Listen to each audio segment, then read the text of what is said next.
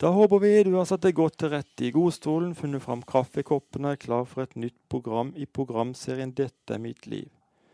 I dag er jeg Jørgen Reinersen på hovedkontoret til Oasebevegelsen i Oslo sentrum. Vår gjest i dette programmet er daglig leder Eivind Arnevåg. Velkommen som gjest i 'Dette er mitt liv', Eivind. Tusen takk for det. Du Eivind, har jo en rik karriere bak deg som bl.a. fotballspiller i Vålerenga og Lillestrøm. Og du har leda KFUM i en årrekke. Og nylig er du altså valgt til daglig leder i OAS-bevegelsen. Mm. Alt dette skal vi jo komme tilbake til, men vi må starte helt fra begynnelsen i ditt liv. Hvor ble du født og oppvokst? Født i Oslo og vokst opp på Ekeberg. Sletta, holdt jeg på å si. Ikke rett på sletta, men eh, bor der fortsatt. Så jeg har bodd eh, i barndomshjemmet nå helt siden mor og far døde litt tidlig. Så har jeg vært der eh, Det er bare to år jeg ikke har bodd eh, i barndomshjemmet. Så jeg er Oslo-gutt, og forblir Oslo-gutt. Ja, Hvordan var barndomstida di? Jeg hadde en god barndom, og vi spilte mye fotball i svingen. Og det var veldig mange gutter, spesielt i den svingen vi bor. da. Det er sånn Vestengsvingen heter den veien, og det er sånn 400 meters bane. Så der var det både friidrettsbane og sykkelbane og fotballbane og ishockeybane. og Det var jo en tid hvor vi var mye ute eh, sammen med gutta i, gata, rett og slett. Så jeg ser nå hvor, hvor spesielt det var at det var så mange gutter. Det var jo noen jenter der òg, men det var veldig mye aktivitet. altså. Mye, mye idrett. Ulike idretter. Gjør du deg noen tanker om nettbrett og sånn? Man gjør seg mange tanker om det, da. Men det er litt sånn glede hver gang jeg ser barn ute i gata nå og spiller fotball eller leker eller sånn. Så nå er det en ny generasjon som kommer i, i gata. Så det er fortsatt folk ute og leker. Heldigvis. Mm. Ungdomstida di?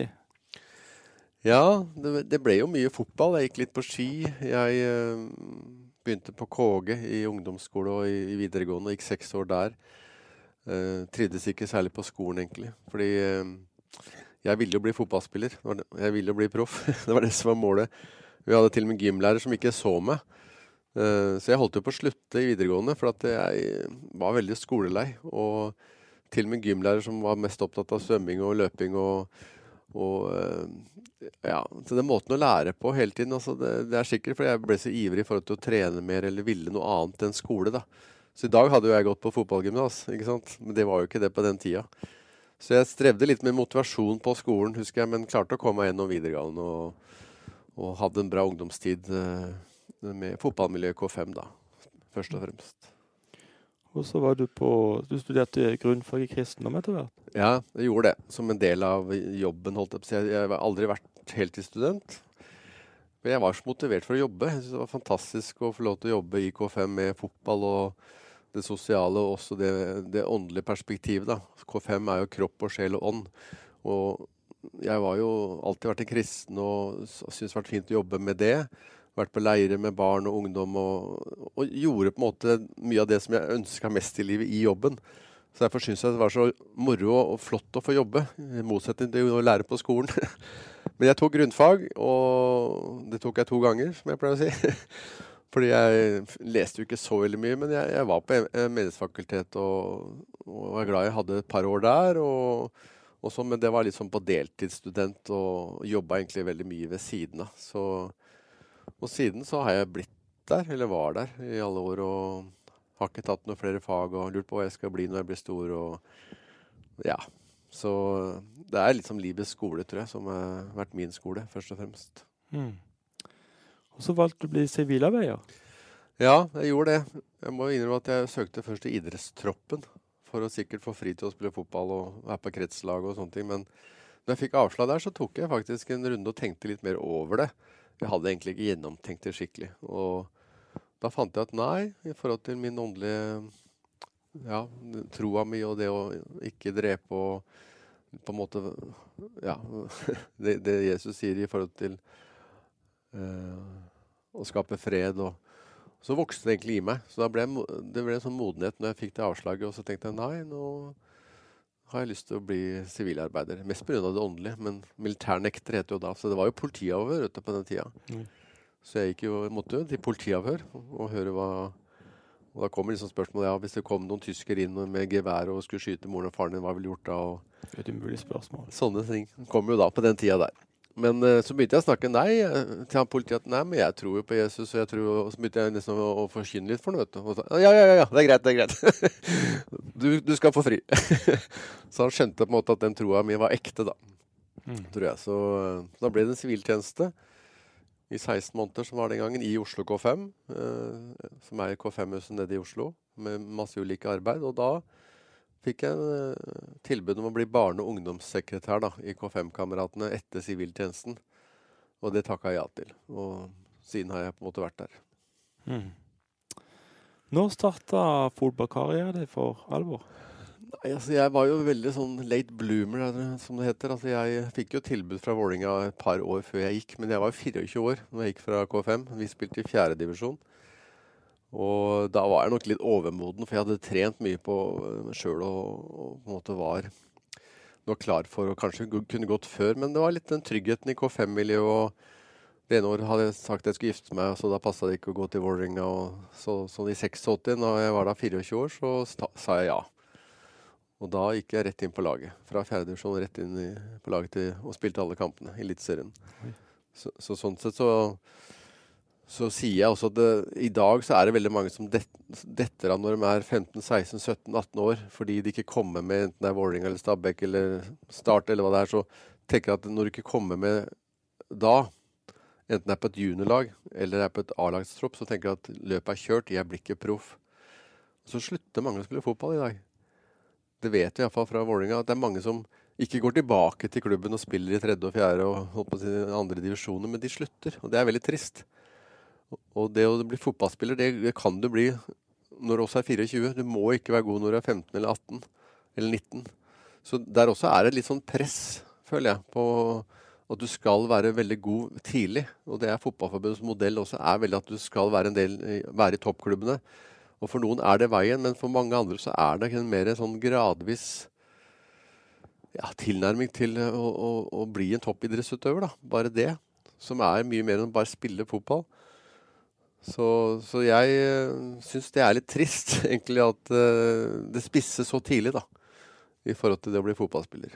Jeg tror det er mange talenter som man går glipp av, som kunne kommet langt hvis de hadde fått litt mer tid på seg. Så. Det er jo en stor diskusjon det der, om ja, det, ja, ja, det er det.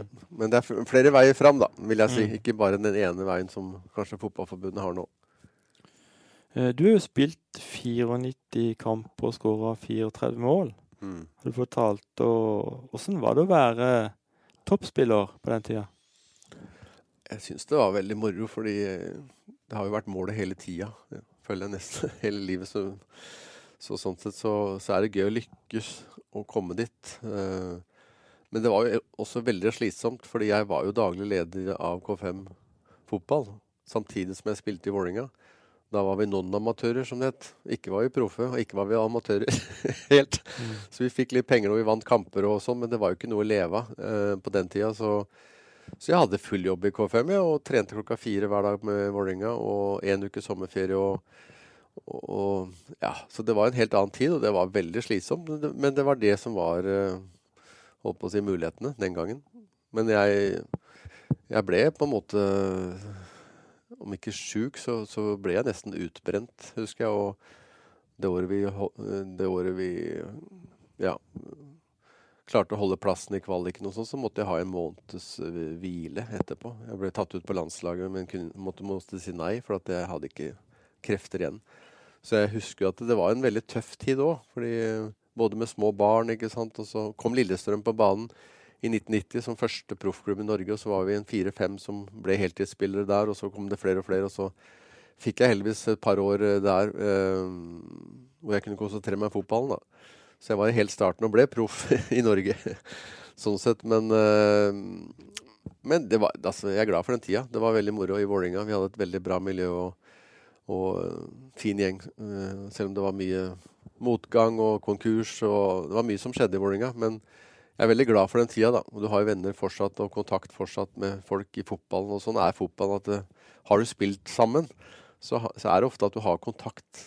Om du ikke ser hverandre, så er, så er det et eller annet vi har gjort sammen. da. Så det, fotball er et utrolig sånn uh, spill hvor vi blir venner, tror jeg. Uh, ofte for livet. Så det er en fin dimensjon med fotballen. Ja, det kan jeg forstå. Ja. I Lillestrøm der måtte du altså slutte pga. skade. Ja. Jeg ble skada. Var mye skada i Lillestrøm, altså. Så jeg ble jo liksom toppskårer første år, men der også gikk det jo ned. Og Tom Lund ble gikk av som trener, og vi måtte spille kvalik for å holde plassen. Men heldigvis så skårte jeg mål i begge kvalikkampene òg. Og det gjorde jeg i Vålerenga året før òg, så det er på en måte det jeg kan si at jeg har fått til. da. Jeg vant jo ikke noe seriemesterskap eller cupmesterskap, men skårte mål for at uh, både Vålerenga holdt seg i 89 og Lillestrøm i 90. Så det er liksom det mest konkrete du kan si du har vært med og bidra til. da. Men, uh, men det var mye skader i Lillestrøm, så jeg skulle også ja, ble tatt ut på landslaget en til også tidligere i Vålerenga, og da også ble skadet stoppa. Så, så, så, landskampen den fikk jeg ikke. Men øh, Og det var nok skader som gjorde at jeg ikke gjorde det. Jeg fikk det, da. Men øh, det er ikke så farlig. Velkommen tilbake til programmet 'Dette er mitt liv'. Jeg har besøk av Eivind Arnevåg i 'Dette er mitt liv'. Jeg er sjøl på besøk i Oasen sitt hovedkvarter her i Oslo. Og Eivind, du har jo delt mye om din eh, aktive karriere som fotballspiller. Veldig spennende å lytte til. Du har vært i både Vålerenga og Lillestrøm og spilt, men så ble du skada. Men du må fortelle litt. Grann. Du er med å starte opp et arbeid som heter Yes ungdomsarbeid. Hvordan starta det? Ja, Det er en litt spennende historie, fordi jeg eh, hadde egentlig ikke noe særlig lyst til å starte et ungdomsarbeid. Og så prøvde man i Bekkelaget menighet, der hvor jeg bor. Og presten der ville at jeg og han skulle starte et ungdomsarbeid, fordi nå var det mange på søndagsskolen som eh, var for gamle for det, og vi fant ut at det var 35 stykker som nå var for, for gamle for søndagsskolen. Ikke sant? Det ble 13-14-15 år, og da er det på tide å få til et ungdomsarbeid eh, som det ikke fantes i den menigheten da. Men jeg tenkte nei, jeg har ikke lyst til å jobbe med ungdom, fordi en ting at jeg ikke likte, men jeg var veldig usikker på de. Jeg prøvde liksom å være kanskje litt kul og prøvde liksom å Ja, men jeg syns ikke det funka noe særlig, så jeg hadde egentlig ikke lyst. Men jeg tenkte at jeg er jo kristen, og det er jo en veldig god tanke. Og alle disse barna som jeg kjente og egentlig var glad i, og foreldrene som sto på og backa meg. Og så tenker jeg ja, så er jeg jo Jeg var jo spiss og kaptein i Vålerenga, og det trekker vel litt folk, og ja, da gjør vi dette her. Så vi sendte invitasjon i posten, da. Som på den tida så måtte vi sende brev med 'Kom og få gratis pizza og cola', og 'Nå skal vi starte kuleste ungdomsarbeid i Oslo', og 'Eivind Arnvåg er leder', og 'Dette skal bli kjempebra', og sånn. Og så kom dagen, da. Og så sto jeg i velkomstkomiteen aleine, og han andre satt inne med gitaren klar, liksom. Og så kom det to stykker av de 35. Og de snakka med meg i to minutter, og så gikk de, og så var det ungdomsarbeid nedlagt. Så, så tenkte jeg Ja, der ser du, Gud. Dette Ja, hvorfor måtte jeg ja, Det var veldig kleint og veldig flaut. Og skikkelig nedtur. Sånn personlig nedtur, liksom. Uh, at ikke navnet mitt trakk litt, eller at ikke jeg fikk det til, eller men også en bekreftelse på at ungdom det skal jeg bare ikke jobbe med. Altså. Det er ikke min greie, liksom. Og så var det bare to måneder seinere så var det oasestevne på Ekeberg. Ekeberghallen, og jeg var eh, med i lederskapet der. Og eh, alle vi som var i lederskapet, ble bedt for en som heter Bruce Collins, en prest fra London, og hadde med seg tre damer i teamet. Og de hadde det som etter hvert jeg skjønt, kalles profetisk forbønn, som egentlig bare handler om at Gud ønsker å tale inn i livet vårt. Og At eh, de lytta til Gud, og så skrev de ned, veldig sånn rolig. Jeg har de arkene fortsatt, og alt det de på en måte skrev av bønner og profetier, det har blitt oppfylt i livet mitt. Men det de så var at de så, jeg merka at de så inn i livet mitt, og de kjente jo ikke meg, så jeg skjønte at dette må jo være Gud. Og så sa han mot slutten at jeg ser at du skal reise opp et uh, ungdomsarbeid, at du skal father dem. Jeg skulle være en åndelig far for ungdom. Og da sa hjertet mitt ja til tross for den dårlige erfaringen jeg hadde, at jeg ikke sa at jeg skal aldri jobbe med ungdom, så var det noe som skjedde i hjertet mitt som er veldig vanskelig å forklare. Og det er jo sånn Gud gjør. Det er sånn Hellig Ånd kan gjøre. Så jeg sa ja, og så fikk vi en tanke om det, at vi hadde et 16-årslag som det året vant Norway Cup. Eh, veldig gode fotballspillere. Og der var det sju-åtte spillere som vi visste hadde en, en, kristen familie bak seg. Og så, så skrev jeg en visjon om at jeg skulle gjøre det sammen med de. og Satt i klubbstua den dagen og sendte brev til åtte stykker igjen og tenkte hva skjer nå, Gud? Og så kom alle åtte. Og så ble det en helt annen måte å starte et ungdomsarbeid sammen med ungdom. Og vi jobba et år med å planlegge. Og det ble liksom ordentlig møte, og de vil ha skikkelig Jesusprofil og skikkelig lovsang og det greier. Jeg tenkte at ja, vi må jo starte litt rolig for at det ikke skal bli for spist. og Men de ville det, og, og sånn ble det. Og de skjønte etter hvert at dette er jo noe Gud starta. Det er ikke noe Eivind starta, fordi han fikk jo dette fra Gud. Og, og, da går det an å lytte til Gud. altså Det går an å ha en relasjon til Gud. Og det ble så naturlig for de ungdommene. Så det var litt av stilen hele veien. at liksom, Dette er noe Gud har funnet på, ikke Eivind. Mm. Så det var en skikkelig lærepenge på en god måte for meg, da, i forhold til at gode menneskelige kristne tanker er ikke alltid det kanskje som er på Guds hjerte, for han ofte har, har han bedre, bedre, ting for oss. For han starta et bedre ungdomsarbeid enn jeg noen gang hadde klart å finne på sjøl. Uh, eh, og det skjønner jeg nå i ettertid, og ser det i ettertid, så, så, er det egentlig en fantastisk uh, Ja, hva skal jeg si erfaring i forhold til relasjonen til Gud, da. Uh, som jeg har tatt med meg videre i livet. Det gikk mye bedre med Gud på laget? Mer på Gud med laget, og ikke minst å høre hva, hva vil du, Gud? Altså, og, og, det å lytte og litt være, være stille og, og, søke Gud på den måten er jo er den viktigste måten å be på.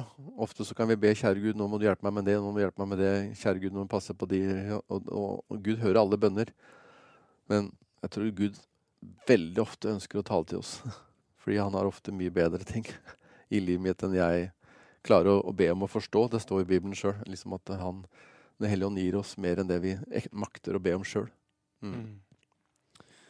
Det er sant. Vi skal ha et lite håp her nå i intervjuet, for vi er nødt til å høre ditt aller første møte med Merete. Mm.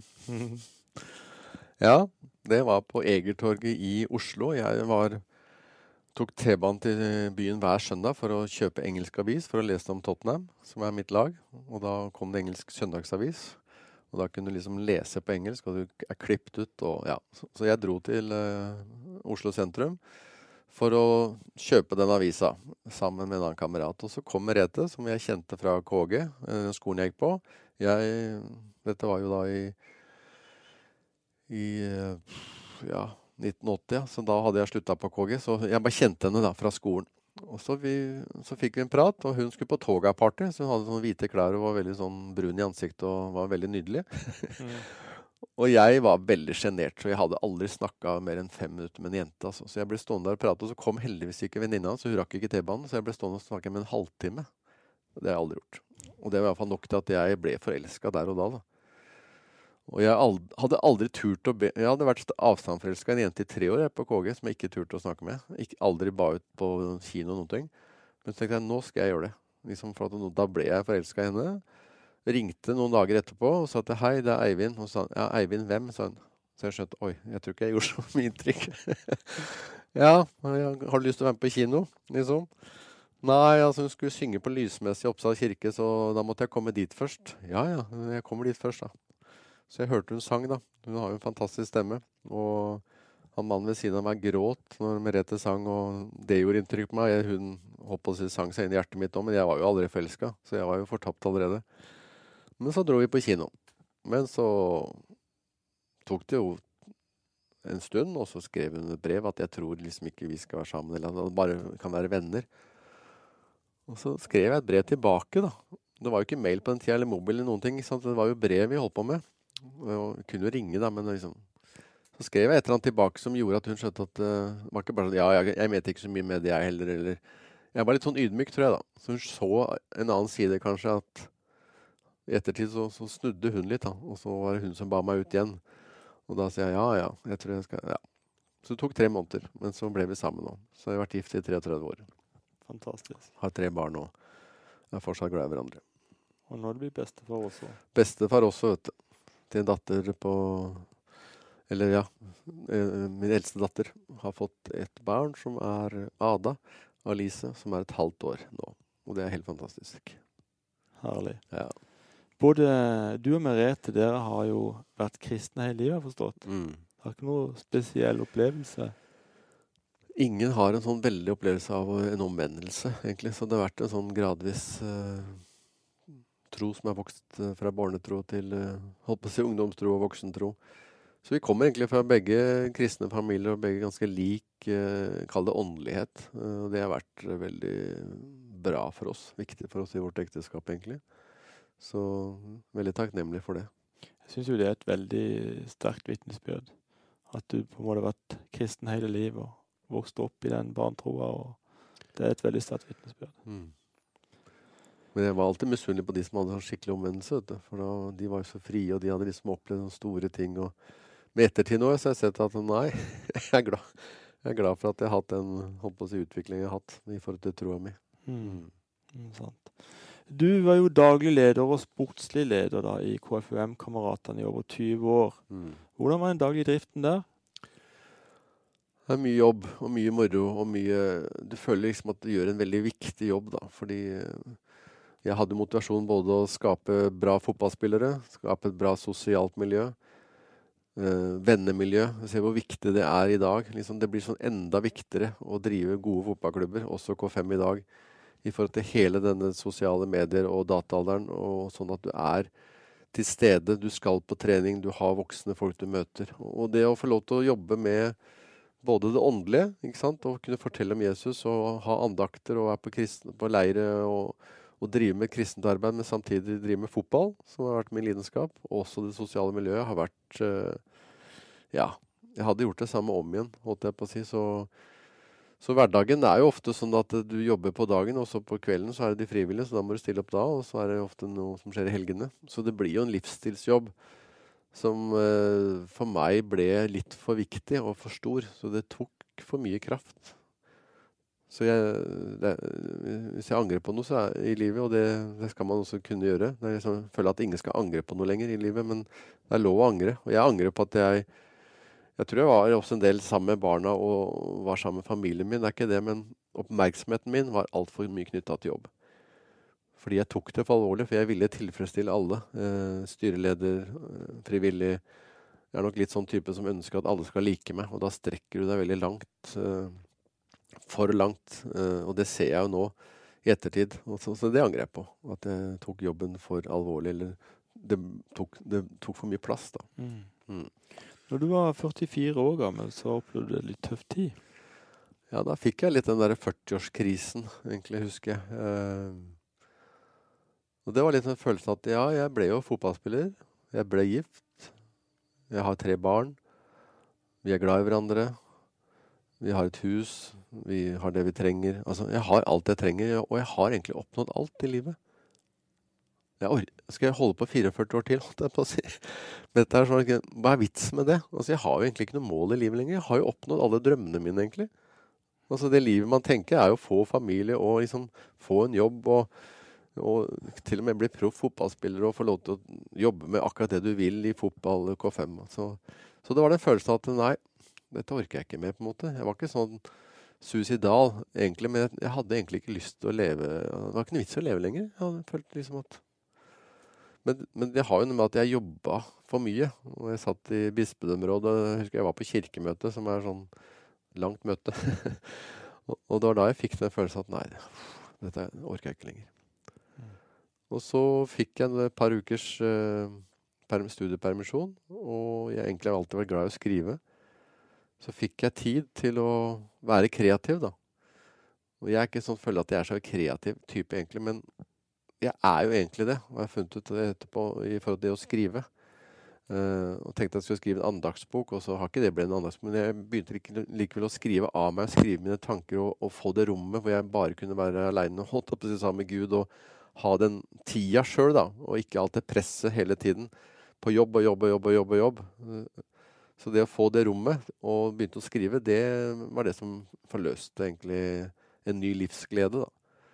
For jeg merka at livsgleden min var på en måte litt borte. Eh, men det tok jo ikke så lang tid. Eh, dette, dette pågikk ikke lenge, men det, det, var noen uker som var mørke. Uh, inntil jeg fikk den der breaken og fikk gjort noe som jeg kanskje hadde lyst til hele livet, egentlig. på tid til å skrive. Så blei det en bok etter hvert. Ja. Men det ble en fotballbok. Uh, og det kommer derfra. Så at jeg liksom begynte å skrive og tenkte det, så, så var det det at jeg har vært veldig opptatt av å skåre mål. Syns det er fantastisk gøy å skåre mål. det blir så mange som blir glad når du skårer mål, og alle hopper og jubler. Og, og det å avgjøre fotballkamper syns jeg liksom Ja, det er en fantastisk følelse å få lov til å liksom gjøre noe som gleder så mange, da. Så tenkte jeg hvordan har de spissene, som eh, både norske spisser og andre, blitt bedre enn meg? Tenker jeg, er det mulig? ikke sant? Og skåre enda flere mål og bli enda bedre. Så da tenkte jeg jeg har lyst til å finne ut det. Så da intervjua jeg ti spisser. To damer, åtte mannfolk. Alan Shearer, som har skåret flest mål i Premier League, og Kenny Daglish, som var litt sånne barndomshelter. Men også Sigurd Ørsfeldt og Brattbakk og disse andre som skårte mer enn meg i Eliteserien. Så hadde jeg en hoved, hovedtanke liksom, som tese at det sitter i hodet. Og det sitter i hjertet og det sitter i beina. Så det har liksom med det mentale å gjøre. Det har med passion, hvor mye du vil, og hvordan du trener. Så hvordan tenkte man, og hvordan trente de for å bli bedre enn meg? Så det var veldig lærerikt, og det blei bok. Og jeg syns det er en veldig bra bok, som eh, de som har lest den, og de som har brukt den eh, Særlig kanskje ser jeg for meg de som er ja, 15-16 oppover, de som virkelig har lyst til å skåre mål, da.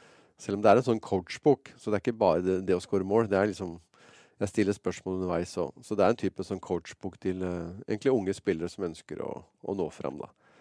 Så det, det, var krevende å skrive bok, men det var veldig lærerikt og veldig moro. Så, så det, kom, det, kom, egentlig også litt ut av den derre 40-årskrisa, mm. den boka, egentlig.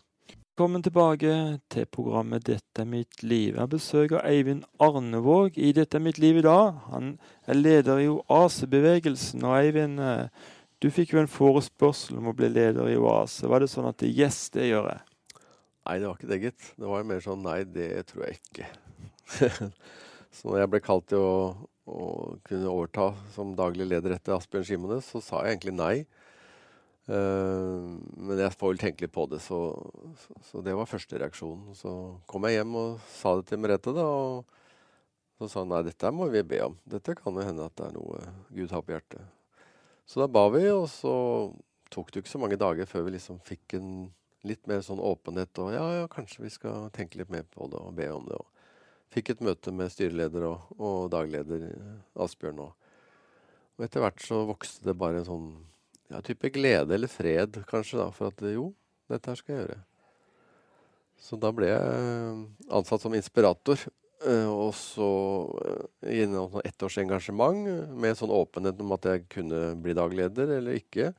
Både de lederskapet i ASI kunne finne en annen, og jeg kunne gjøre noe annet. Så, så det var en grei deal. Og så, så blei det slik at jeg ble dagleder, da. Så det er jeg glad for. Ja, det vil jeg tro. Hva, hva tenker du om oasebevegelsen framover? Vil det bli store endringer med du som leder? Nei, de, altså jeg føler at visjonen vår å forvandle mennesker og menigheter og samfunn ved Den hellige ånd er, er eh, si, tidløs visjon. Men, men, det må alltid konkretiseres i verdier og eh, målsettinger og fokusområder. Eh, så jeg de, mange sier at jeg på en måte er en sånn jordnær karismatiker. Og jeg har jo møtt mange nå som har sagt at de er glad for at de er kommet inn, for nå kan det bli litt orden i oase, og nå blir det kanskje litt mer sånn som det var før, og, og litt sånne ting. Og det er jo egentlig oppmuntrende å, å, å høre, men og personer vil jo alltid være med å prege en bevegelse, særlig Oase som bare har to og et halvt årsverk, og vi er, har et lederskap. Men, men, det blir ikke noen radikale forandringer. Det gjør det ikke. Det kan bli noen små justeringer, og jeg håper at vi kan eh, få til enda bedre sånn dette gjør vi sammen, både et lederskap en stab og de frivillige. Eh, litt sånn som jeg har lært i fotballen. altså Skal vi få til noe, så må vi følge samme taktikk. følge strategien eh, sammen. Og vi må på en måte kjempe sammen og gå sammen og tape sammen og vinne sammen. og, og sånn. Og den, den, har nok vært litt sprikende eh, i Oase de siste årene, sånn som jeg har sett det. Litt utenfra. Så jeg håper jeg kan bidra til det. Det gjør jeg. Hvordan arbeider dere i det daglige her på kontoret? Ja, Vi har noen uh, prosentstillinger. Uh, både ja, 40 på markedsføring, PR, og 50% på en som har mest med festival eller stevne å gjøre, og, og økonomi og sånn. Så vi, vi, møtes et par ganger i uka i fellesskap. Ellers så jobber vi litt hjemmefra. Og jeg prøver også, og halvparten av tiden er meningen kanskje at jeg skal ut og prøve å inspirere fortsatt, selv om jeg er dagleder. Så jeg reiser jo litt rundt og enten forkynner eller har noe samlinger med folk og menigheter rundt. Så, så det er jo eh, Men jeg har også savna et stabsfellesskap. Da. Så jeg har prøvd å være med å bygge et stabsfellesskap som egentlig ikke har vært der før. Så, for det har ikke vært så lett for han som har vært dagleder, for han bodde i Volda og fikk etter hvert en mindre mindre stilling og sånn. Så det er jo en liten nytsatsing at, eh, at jeg er en dagleder i 80 da, som de ikke har hatt før. Eh, eller iallfall de siste åtte-ni årene har det ikke vært det. Så det har lederskapet ønsket et litt mer, at det er Oslo-kontor som fungerer uh, på landsbasis. Da, med at uh, vi får et ja, større fellesskap i staben og en større enhet i det vi skal gjøre. Og det, det har skjedd en del av det i løpet av året, sånn som jeg ser det. Så det, det blir bra. Ja. Oasebevegelsen det hadde jo sitt første stevne rundt 1980, vel. og Hvordan føler du stevnene har utvikla seg siden da? Hovedrammen er jo ganske sånn lik, for vi har tre oaser. altså Vi har barneoase, det som kalles for Bojuko nå, barne- og junioroase, eh, som har morgenmøter og kveldsmøter og fullt band og lovsang og taler. Og så har vi det samme på tenåringene og for voksne. Så, så det er fortsatt uh, mye av det samme. Så, så, rammen er ganske lik. Og jeg satt jo i lederskap i Oase fra 97 var det vel, i seks år. Så jeg har vært med på mange Oase-stevner og leda møter og vært en del av Oase siden også leda, leda en prestegruppe i Oslo her. Eh, for vi har jo sånn preste- og ledernettverk med, med, lokale grupper. Så jeg har hatt kontakt med Oase hele tida. Og, og så, så, hovedrammen er egentlig det samme.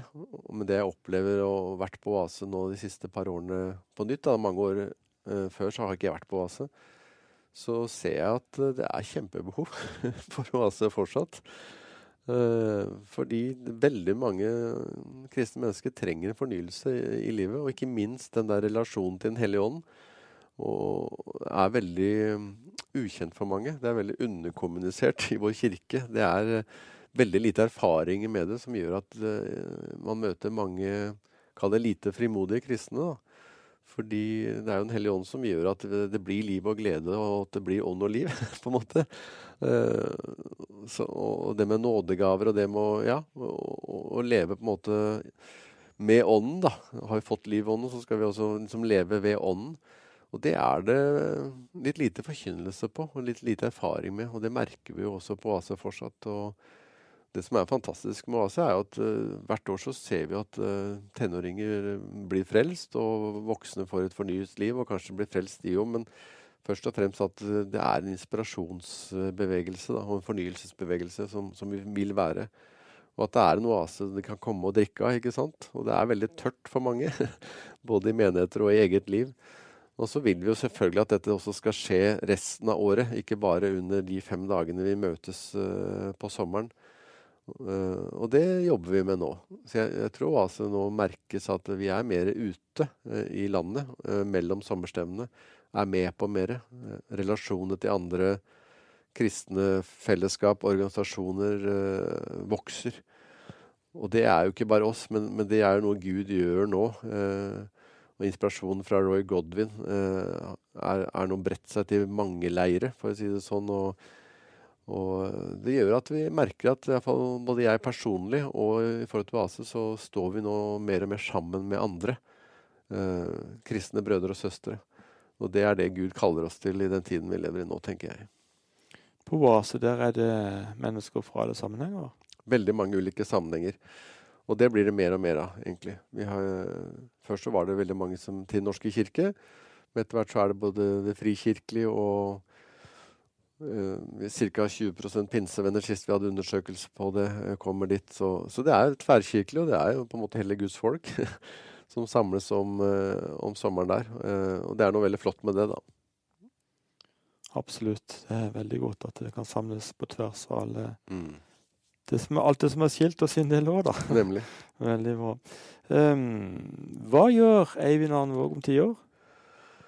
Ja, hva gjør man da? Uh, det er et godt spørsmål, altså. Det er ikke sikkert jeg kan spille fotball lenger, men jeg driver jo mitt eget fotballmentor i sin, så jeg, jeg, er jo en fotballgutt, merker jeg. Og ønsker å være en del av norsk fotball. Ønsker å bidra til norsk fotball. Så jeg har spisskoler, og jeg har foredrag i klubber og prøver å gi erfaringen med å drevet en fotballklubb i 36 år. da. Så har jeg kanskje litt erfaring som kan bety litt for andre klubber. Så jeg er veldig glad i fotballklubber. Fordi det betyr så mye at vi har gode ledere for barn og unge. Uh, så, så, det gir meg mye å besøke fotballklubben og prøve å være til inspirasjon der.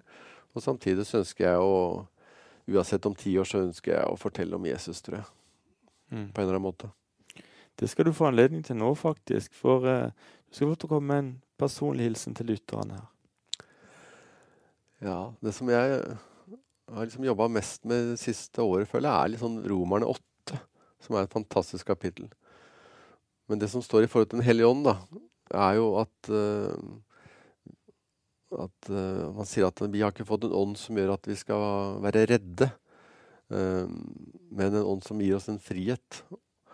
Og det at Abba far, som det står, da, som er et annet ord for pappa. Så, så jeg tror veldig mye og, og det å både bli en troende hvis man ikke tror, eller det å få et fornyet liv, handler om en, et forhold til en kjærlig pappa. Og jeg hadde en pappa som var veldig flott og forkynt og var i K5 og gjorde masse bra, men, eh, men jeg syns han var litt streng. Eh, så derfor så vokste jeg opp med en litt sånn strenghet overfor uh, Gud. ikke sant? For ofte så er farsbildet knytta til gudsbildet vårt. Så, så, det å bli kjent med en pappa litt på nytt Eh, en kjærlig far. Altså, Gud var en skaper og på en måte sto over verden og alt Men jeg hadde ikke den der relasjonen som at han er pappaen min. Uh, og det har vært kjempeviktig for meg. I forhold til at han er en pappa til alle barna sine. Uh, så det å få tak i det, og også klart uh, Hvis du tenker på Jesus, så er det jo ha et forhold til han som har frelst oss, og som, som ja, som er sterkere enn alle andre krefter i verden, og som vi alltid kan komme til. Og så Den hellige ånd. Hvis du tenker hele treenigheten, at, eh, at, i det daglige så, så, er det mest at jeg kanskje ber til Den hellige om å komme og fylle meg, eller hjelpe meg, eller styrke meg, eller Så leve i den treenigheten med Gud og Jesus og Den hellige ånd. og så er de ett, ikke sant? men de har likevel kanskje tre ulike funksjoner. Uh, er iallfall noe av det jeg prøver å formidle. da. Så, så det å få lov til å være et barn tenker jeg også. At all kristendom handler egentlig om bare å åpne hendene sine. For alt handler om gaver, ikke prestasjon. Ikke at jeg må gjøre noe. Uh, og barn, hvor yngre de er, hvor mer avhengig er de av å bare bli fylt og bli pleid med og, og sånn. Det vet vi jo. Så, så det at uh, Jeg tror kanskje det handler om spedbarn, faktisk, når Jesus sier det også, at hvis ikke vi blir som barn, så kan vi ikke ta imot Guds rike. Først så tenkte jeg at det, da kommer du til helvete hvis du ikke ikke sant? men Guds rike er jo det riket som også er på jorda nå, da. Å leve med Gud. Så, så, ja, jeg er en ganske enkel mann. Og det å være like enkle som barn og bare ta imot alt det Gud har for oss, det er kanskje litt for enkelt for folk i dag.